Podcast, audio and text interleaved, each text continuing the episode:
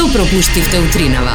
Зорке, го знаеш тој вицот за фудбалот за мажот и за жената? Не. Ај, пред, дај донеси едно пиво пред да почне. Ај, донеси едно пиво пред да почне. А, мам бе, више мажу, е, почна. Така и ова на Инстаграм вика, бе, кај сте 7.30, почнете.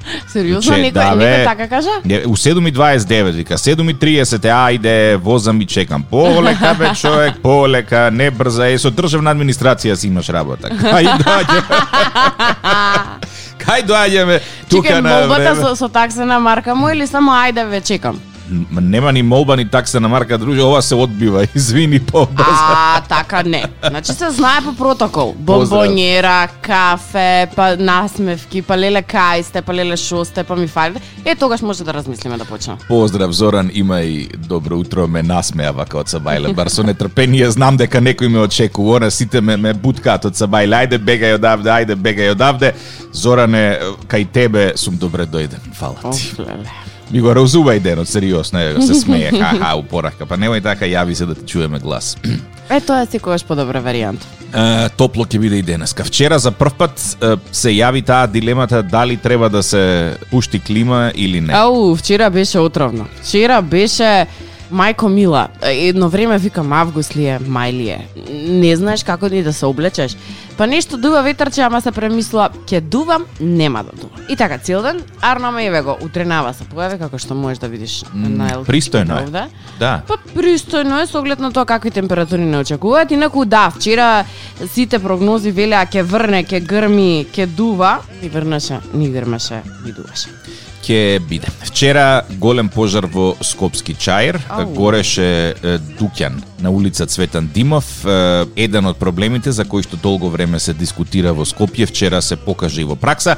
Против пожарните возила Зорке има проблем да стасаат до објектот кој што гореше, поради тоа што на улицата Цветан Димов има еден куп паркирани возила од сите страни. А не се работеше за мал пожар. Според командирот на е, противпожарната бригада на Скопје се гасело со 9 возила и 20 е, пожарникари. За среќа нема жртви, причината е само материјална штета, меѓутоа апел до сите внимателно со паркирањето, каде паркирате, како паркирате, затоа што пожар, па и брза помош тешко може да се пробие некаде низ скопските гуши. А на тема паркирање, факт е дека секој сака да си го остави автомобилот што е можно поблиску до локацијата на која што оди. Сосема случајно, одејки години одам во градски парк да го шетам песот по Пладна и наеднаш на, на едно место тука под подвозникот, каде што со години нема живо пиле, катанга од возила се појави. И ми требаше три дена да сватам дека во еден од е, тие центри за расад или како и да се викаат оние места кај што купуваш дрва, отвориле кафуле. Добра. И нормално, кај што има кафуле, таму има и гужва за за паркирање. Значи, ако порано немаше живо пиле и да ти беше страв да поминеш, сега од возила игла нема кај да се фрли. Е тука низ тие ливади проаѓа една патека која што излегува на булевар Октомвриска револуција. Добра. Немајки каде еден лик да паркира вчера, паркира токму на пристапот на таа пешачка патека. И сега го гледам, се вртам на кај него и му викам, друже, бе, паркиран си на, на влезна патека. И човекот се врти и ми вика, абе, знам, ама што да правам, нема место. Па Викам, ништо, За почеток тргнија колата на друго место.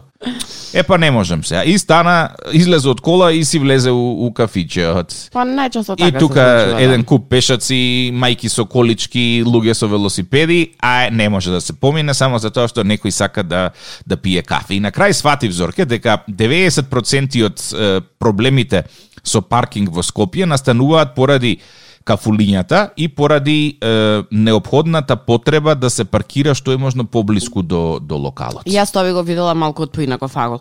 Отварам нов бизнис и тоа што ми треба, ако е да речеме, доаѓаат луѓе со автомобили, така не е трафика, туку е кафуле.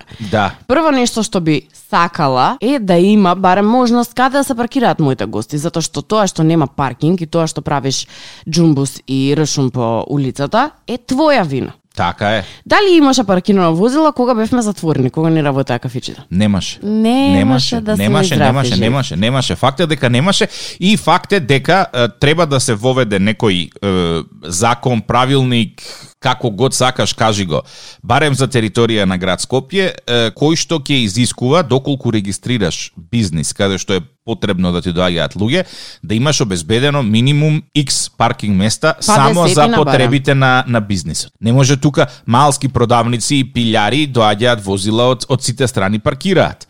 Трафики на, Ау, на ти овде имаш, да, една каде што камионот се паркира на... Значи, на... да не правиме муабет На што се не се, не се паркира овдека на, на раскрсница. Имаш потоа трафики по булевари, кои што, е, знаеш, ај ќе пуштам четири жмигавци, ќе застанам, ќе завршам Види, тоа со работа. четири жмигавци може да функционира на улички, како од водата што не е толку функционално, да речем. Да, пушти четири жмигавци, нема проблем. Има каде да се помине, меѓутоа не можеш да булевар. пуштиш на булевар четири жмигавци и не можеш да пуштиш на раскрсница четири жмигавци. Пази, вчера возев по Цветан Димов, Добро. кон Бит пазар. Е, Знаеш дека таму, поради тоа што многу луѓе претрчуваа од една на друга страна на булеварот, поставија бетонски бариери. Знам, знам, И видов на еден, некаде. во еден момент имаш чувство како да си некаде на блискиот исток, у некоја воена зона со тие бетонски бариери. Е, а, од другата страна на, на бетонската бариера, значи во насока од центар кон Бит пазар, направиле велосипедска патека. И ја одделиле со е, Столпчиња. портокалови столпчиња за да не може коли да се паркираат на тротоар и на велосипедска патека. Ај погоди кај се паркирани колите До велосипедска. до велосипедска патека. Значи сега ако одиш од центар кон кон е, Чаир или Топанско преку Цветан Димов имаш бариера, па имаш коловоз со две ленти и велосипедска патека, меѓутоа велосипедската патека е неискористена, едната коловозна лента е претворена во паркинг, така да сега се вози во една лента натаму. А Хаос, велосипедисти катанга, возат гужва на тротоар. велосипедистите си возат на на таа велосипедска патека, осим на неколку места каде што некој ги има подбутнато, подскршено тоа столпчињата за да може најверојатно некој камион за достава да влезе и да испорача материјал во некое дуќанче. Па имаш пак потреба цик-цак да вртиш за да ги избегнеш паркираните возила на на улица. Така да хаос е зорке. И сега замисли која ќе ја пушта таа нова е, што годи да е траса од Ѓорче до Лисиче, која што треба да поминува по булевариве. Брзиот е, бас рапид транспорт или како и да се вика тоа што Капо ди Тути Капи го најавува дека ќе го забрза јавниот транспорт во Скопје, тој ќе биде хаос. Тоа е веќе хаос, тоа ќе биде дополнително хаос. Инаку преска почна да зборуваш за бизниси кои што е, имаат потреба да имаат свој паркинг место. Да, сите. Што е со овие училишта за деца? На часови ги носиш децата на часови, имаш навистина потреба нели да ги почекаш 45 минути, час, час и 20 минути. Ти се случило, нели? Не, никогаш не ги чекав. Не, па како што ги оставаше? Ги оставав, одев бркав работа и ќе се вратам, ќе ги земам. Ти знаеш што значи саат и 20 минути да изгубиш чекајки. Знам. Е, па мораш да најдеш начин подобро да го испланираш тоа време. Значи еве ти совет, во тие саат и 20 минути можеш да завршиш пазарување, можеш да организираш некое кафе со пријателки, можеш да одиш во во теретана, можеш да трчаш, можеш да джогираш. Значи Зорке имаш широк диапазон како ме гледа кога ќе ми ги ископа очите со вилушка тапа.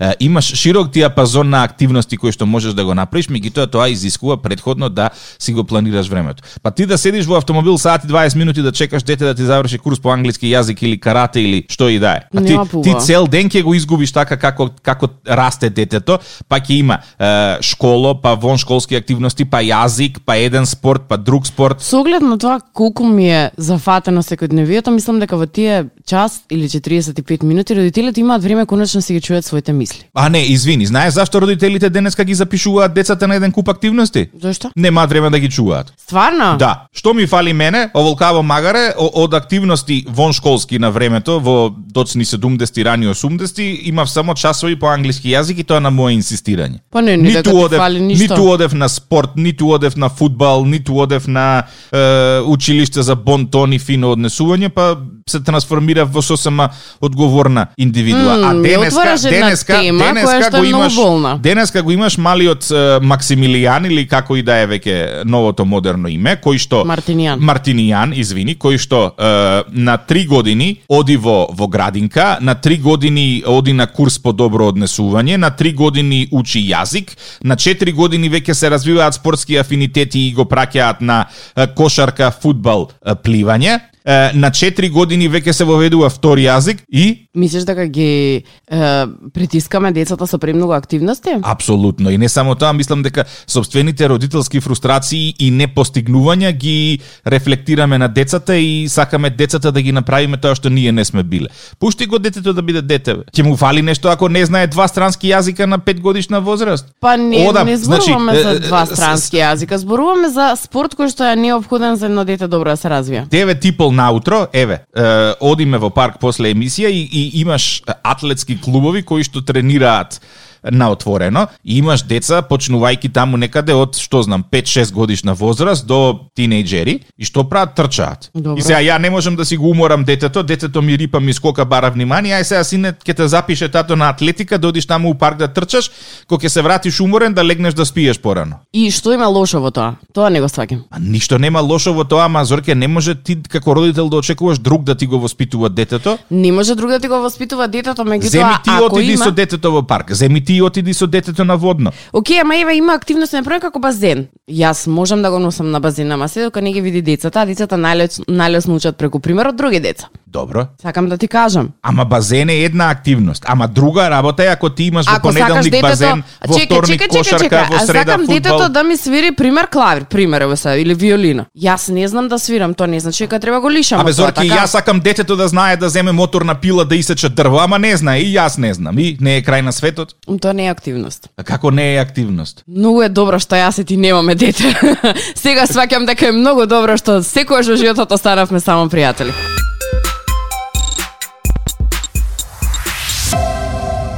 Тик-так и Зорка, добро утро, топло време, максимални 30 степени денеска, мало заладување за некој степен во текот на предстојниот викенд, ама ништо радикално и ништо страшно. Врти сучи, летото во Скопје полека доаѓа. 079-274-037 е телефонскиот број на кој што можеш да се јавиш. Тик-так и Зорка сме на Facebook и на Instagram, а старите емисии слушај.тиктакизорка.мк. Те чекам да почнеш со темата која што е, спомна дека сакаш да ја отвориш, па се предомислено со те предомислив, ама сега па ме копка. Не, види, те копка, значи, е, предпоставувам дека ти си една од оние мајки, а бебето заплаче, трчаш. Па мојот плачеше многу ретко, еднаш на три дена ти беше жал дори да го слушаш. Е, а има родители, има деца, на пример, кои што крештат долго време. Добра. Посебно пред да да заспијат, кога ќе останат сами во креветче, па посебно оној дел кога го одделуваш детето од ваша соба во собствена соба, па плаче, па ноќе се буди, па плаче. Добро. Е сега, едно истражување, односно еден експеримент, е, покажал дека е, ако го оставиш бебето да плаче подолго, од 15 минути, многу подобро и со помали прекини ќе спие во текот на ноќта. Дали е наведено додека го оставаш тие 15 минути да плачеш, што да се напиеш? А, ме Зорке, ништо. Значи, види, вие како, како мајки, а да не кажам како жени, затоа што одма ќе бидам распнат, дека имам погрешни, е, погрешна перцепција.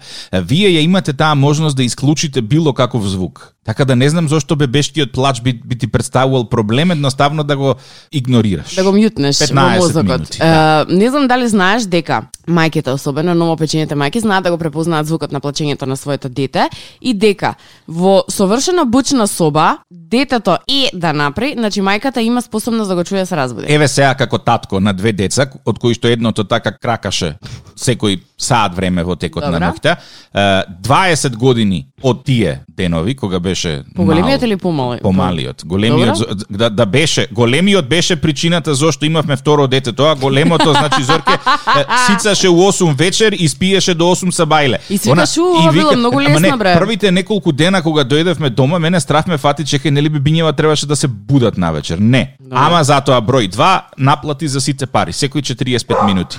И што се случува? Добре. некој доаѓа. Непожелен, според реакцијата. А, ден денеска, толку лесно спијам, на најмалиот звук Шум, се да сецнувам, затоа што очекувам да чујам бебешко плачење. Ова трае 20 години. Зборуваш тоа за, за, за, за посттравматичен стрес синдром. Добра. Те молам, не. Така да, е, можеш да го да го исклучиш доколку сакаш, предпоставувам, ама вели, нема никаква разлика во во врска со емоционалната поврзаност со детето, комуникацијата подоцна итн итн. Едноставно остај го да се да се расплаче, што би рекла баба ми, остај ме да се изнавикам и ќе ми биде полесно.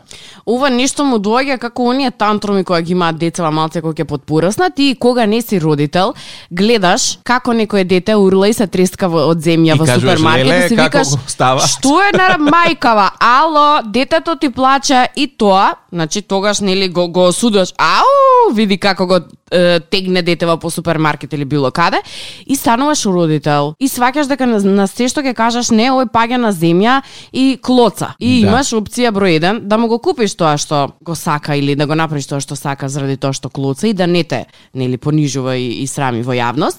И имаш опција број 2 да го оставиш да се исклоца едно 10 пати и после тоа 12-тиот пат да свати дека тоа не функционира. Така е. Ама очигледно, според тоа какви се овие новиве генерации, се повеќе и повеќе родители купуваат на првиот врисок. Па нема одамна дете кој што заклуцало во супермаркет.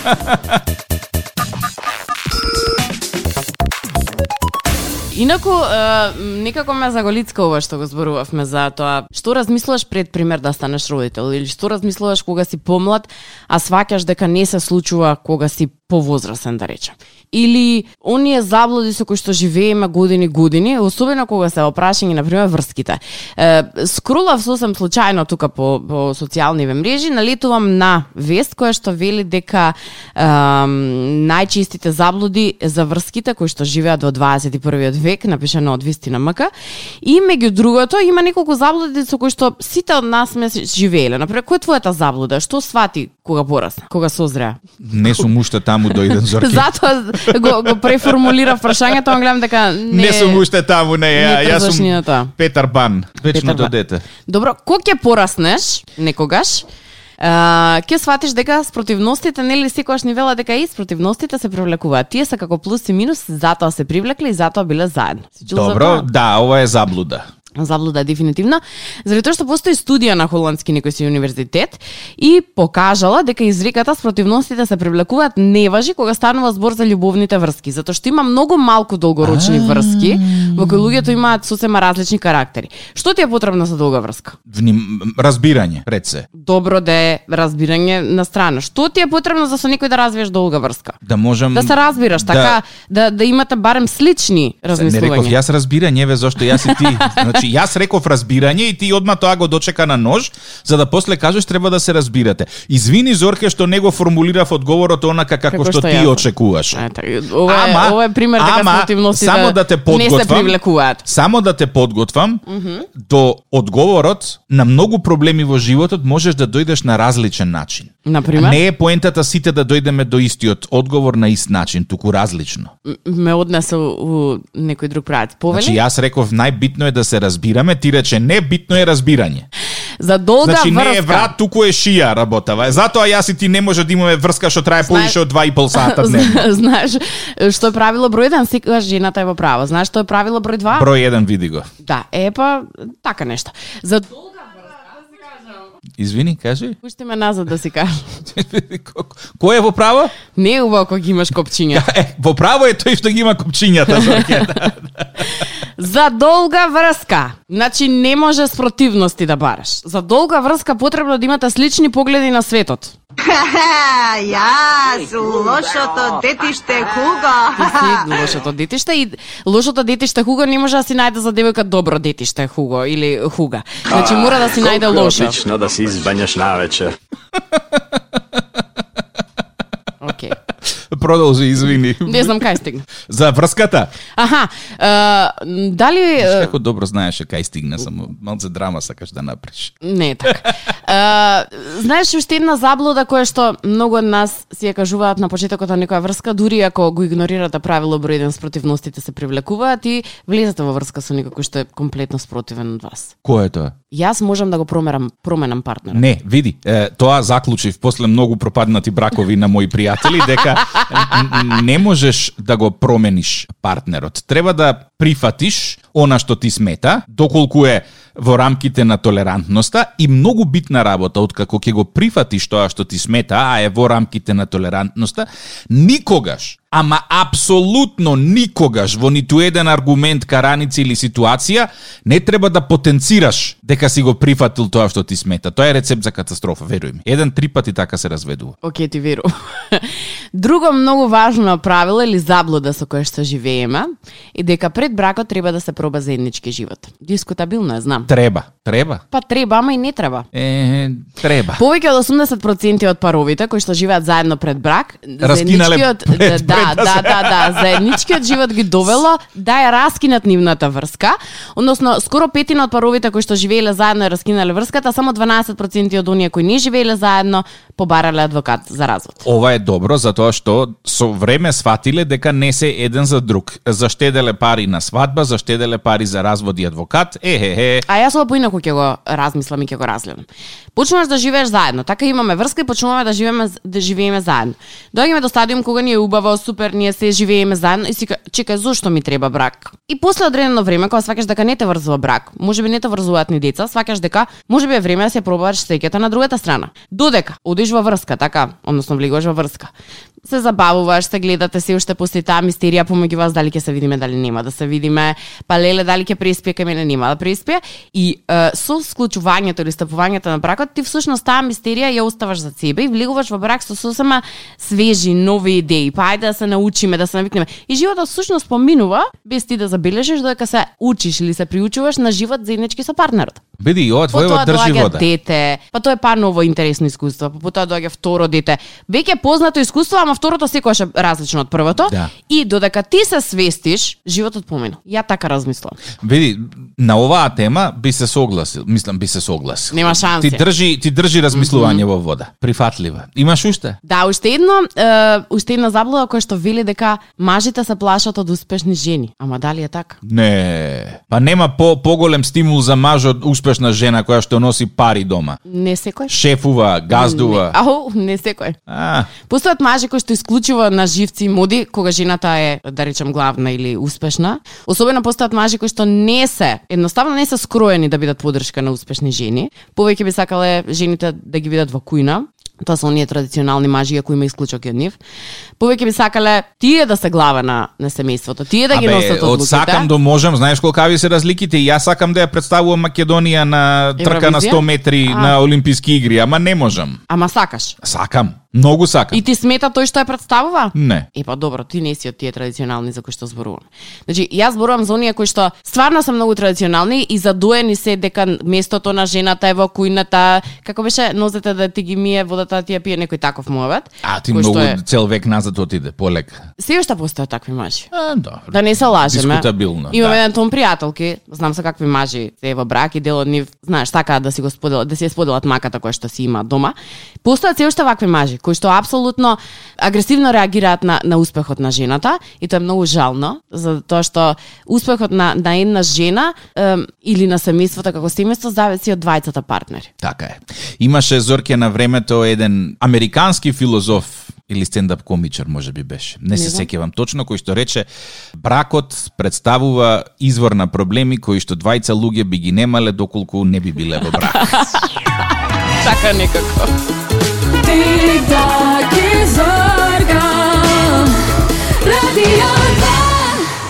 Зорке, што мислиш колку ѓубре се собра? Поима немам искрено. 650 метри кубни отпад. Вау. на четири локации, што значи дека е, скопјани имаат ѓубре фазла вишок за изнесување. Вакви акции неколку пати годишно се организираат бесплатно, доколку сам си го однесеш габаритниот отпад во една од депониите во Карпуш или во Дрисла, исто така можеш бесплатно да го одложиш, а ако сакаш ЈП комунална хигиена да ти го земе од дома, тогаш за услугата се плаќа. 2000 денари, 2800 денари земање од дома, 2000 денари земање од пред врата, а 1800 денари само доколку користиш нивен камион да го одвезат отпадот, треба да се јавиш на бесплатен телефонски број да си организираш сето тоа и ќе дојдат дома, ќе ти го соберат. Јас пред две години, не, јануари 2020 се обидов да ја користам таа услуга, тогаш за прв пат ја воведоа, не беше баш user friendly, па почнаа да ја оправаат полека полека, сега мислам дека се дојдени на некое Не беше подобро. Па требаше да се оди таму да се уплати, не прифаќа електронски уплати, не можеше да се плати онлайн, не сакаа на сметката да ја наплатат услугата, така да реално беше комплицирано.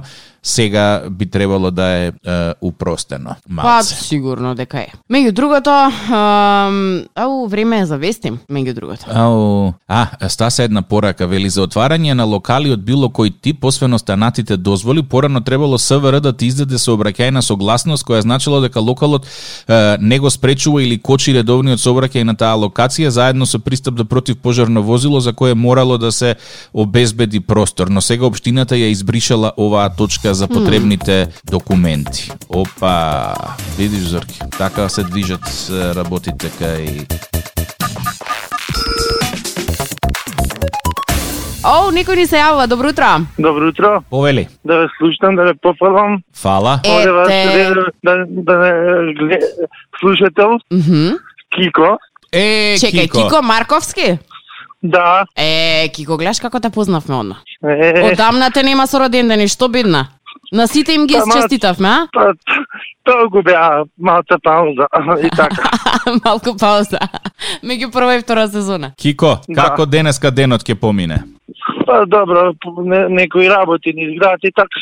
Одлично. Што и да правиш, со лесно да си поминеш. И вие продолжете само така Фала. и тоа. Фала ти многу што се јави, имај прекрасен ден. Е, Зорке, едно прашање и еден одговор кој што ќе те остави в чудо невидена. Ајде. Ау. Ау. Але, Верувај ми, јас се шокирав се кога паничам. и, и треба да се е? паничиш. И треба Леле, да се леле. паничиш. Леле, леле. Добро. Е, пукај. некои работи не се случуваат хронолошки. Например? Еве вака. Дали, уствари, како да, да парафразирам, да го поставам ово во вид на прашање, да, да можеш да го разбереш. Што е постаро? Слетувањето на човекот на месечината или ставање на тркалца на куфери? Е, Е. е, следувањето на човекот на месечината. Е постаро? Не, по, поново е. Значи, ставањето на тркалцата на куферот. Дали си сигурна? Не сум сигурна и знам дека има некоја финта помеѓу овие две. Добро, не, ќе ќе одам со првиот одговор. Постаро е следувањето на човекот на месечината. И верувај ми, Зорке, во право си. Па како ги влечеле до тогаш куферите? Е, шокантно. Значи, прво човекот слетал на месечината, а потоа на некој му текнало дека на куферите може да стави тркалца и да ги влече. Сакаш да ми кажеш дека на човекот попрво му текнало како да слета на месечината? Да, па на да месечината тркалца? слетаа во, во 60-тите години од, од минатиот Ама век. што правеле до 60-тите години без тркалца на куферот? Ке си го крене куферот и ќе го носи, без тркалца. Тој изгледа немал зорка за жена. Па кревал куфери. Добро. Имав чувство дека е така нешто заплеткано. Друг безкорисен факт. Па со тоа те... Не, нема А, потреба не. тоа. Многу Знаеш ли како полиција се справува со со насилни е, луѓе во Јапонија? Немам поем. Значи нема лисици. Е, па како? ги ставаат во нешто што е налик на черга, на килим И ги и виткаат. ги виткаат во бурито. Баба да. Зумбула. Баба Зумбула, да. да, да, да. Да, ќе размислиш вака, сега и јасна ми е идејата како дошла идејата за филмот Баба Зумбула. да. Е, баш како како Баба Баба Зумбула. во тепих, ролована. А, што јаде глувчето во цртаните филмови? Сирење со дупки. Да, сирење со дупки. Ама знаеш ли дека научно е докажано дека глувците повеќе сакаат солени и благи работи отколку Сирење? Сирење, да. Тоа е значи м- моќта на Томи Джери да те убеди дека глушецот сака сака сирење. А од друга страна, зошто пак слонот се плаши од глувчето? И дали на вистина се плаши од глувчето? Е, ова треба да ја прашаме нашата пријателка од зоолошката градина. Или евентуално некој љубител на, на животни кој што го знае одговорот. Дали на вистина се, се плаши слонот од глувче?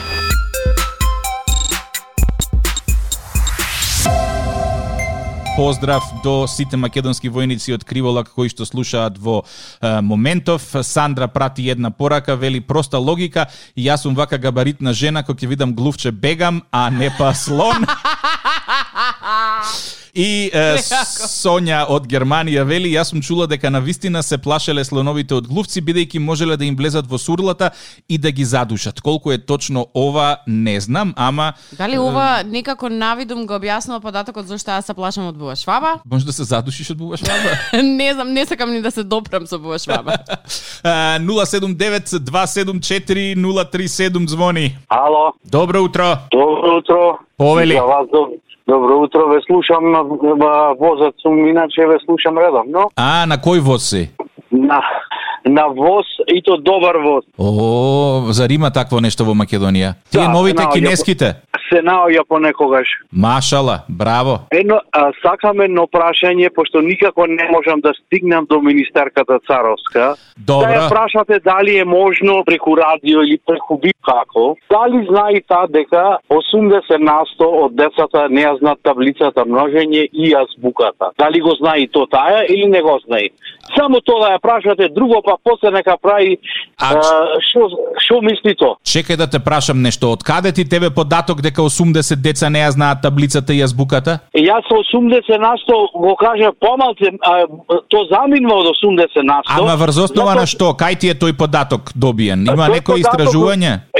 Тој податок ми е во секоја продавница одите на децата кусур кој ќе му враќат не знат колку кусур му треба му вратат. И многу многу ред други И работи. ти врз основа на статистичка операција направи екстраполација на податоци и дојде до заклучок дека тоа доаѓа некаде до 80% од децата. Да, да, можда и повеќе, а не само во основните образование, и во средното образование. А чекај да те прашам, а со која статистичка грешка работеше? Па и се има поќе грешки можда, ама Аха. како незините нема нигде. Чекај, Како а, а, незините а, имаш некои она податоци и анализа да видиме тоа како затоа што види 80% тоа се тешки зборови што кажуваш.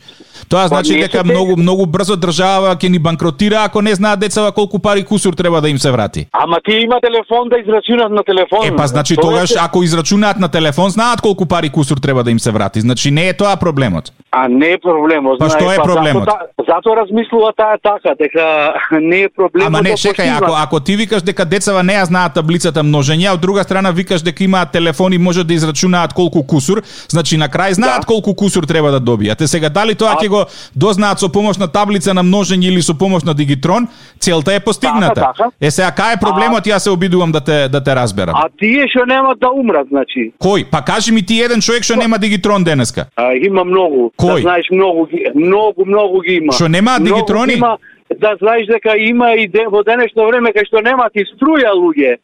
Вие изгледа само во Скопје гледате што се случува, на другите места не. Па не знам, во Скопје моментално според некоја процена има милион луѓе, што е да кажеме две третини од Така, скупна така. популација на Македонија. Да, да, е па доволно, е, па то, само тие треба да живеат, другите треба да си умрат. Па не, нека Најво- дојдат, нека дојдат и они во Скопје, сите да ги земеме. Да, сите ти прибериме. Па, шо да зато не? Дој, па И- зато и- дојде Скопје на ова да реже сега што е. Така е, и по еден дигитрон да им даеме. За кусурот. Да, убав, убав ден да имате. Фала и ти. стварно сте добри, супер се. Е, фала ти, Зорке, да се надоврзеш на, на тематикава и на Како што си тргнав проблематикава. да си кјутам, ќе продолжам да си кјутам, немам познавање, супер што сите имате дигитрони, добро е што може да се израчуна кусур.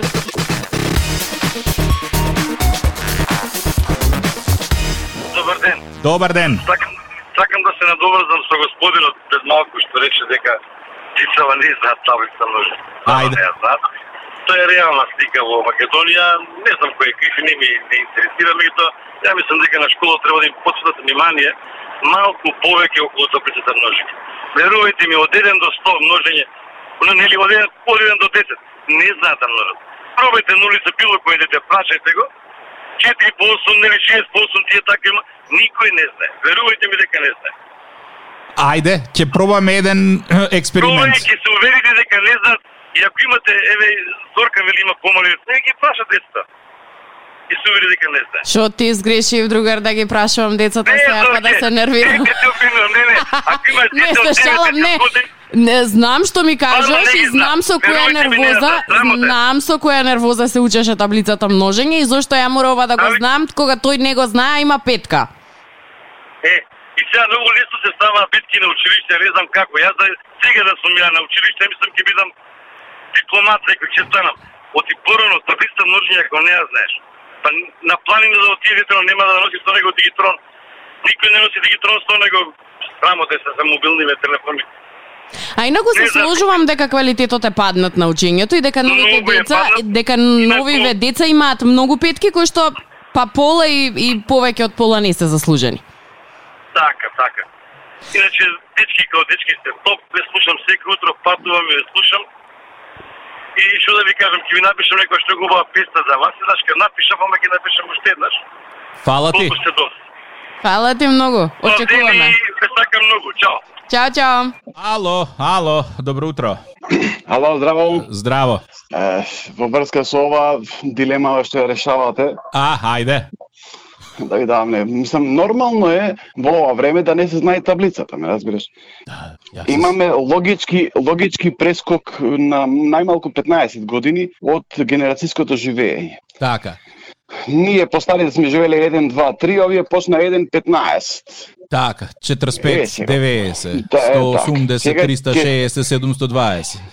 Сега ќе се случи во задно време овие да купуваат леп преку интернет и да сакаат да го фатат на екран, ама тоа е малку потешка работа. Да, ама кој знае, може некогаш ќе мирисе она да го мириснеш. Рибата пред да ја купиш да ја мириснеш од Како ќе го стиснеш преку екран? Нема, Во изумирање ќе биде тој занат. Ајде, убав ден. Фала ти, поздрав.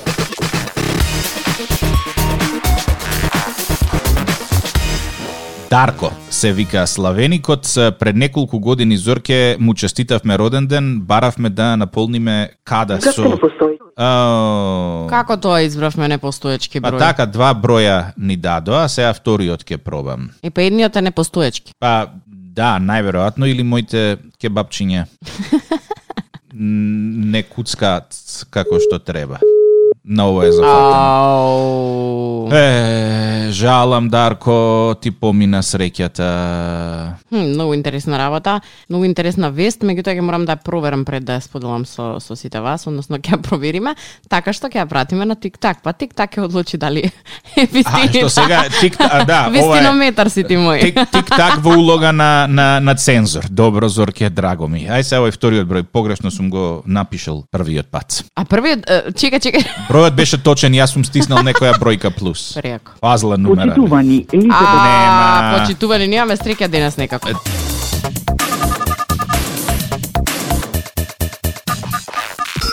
Тик-так и Зорка. Секогаш кога ќе ја слушнам оваа песна на 223305 по бареме, добивам желба да свртам на тој број и секогаш некако се воздржувам да видам чифе. Ама сега нема, мислам, дека освен мобилен ако имаш. А мобилен, мобилен. Да извртиме на сите оператори на 223305. Да видиме, ало, добар ден, Мислам дека добар на нив ден. име преку глава од некој што вака како тебе сакал да сврти.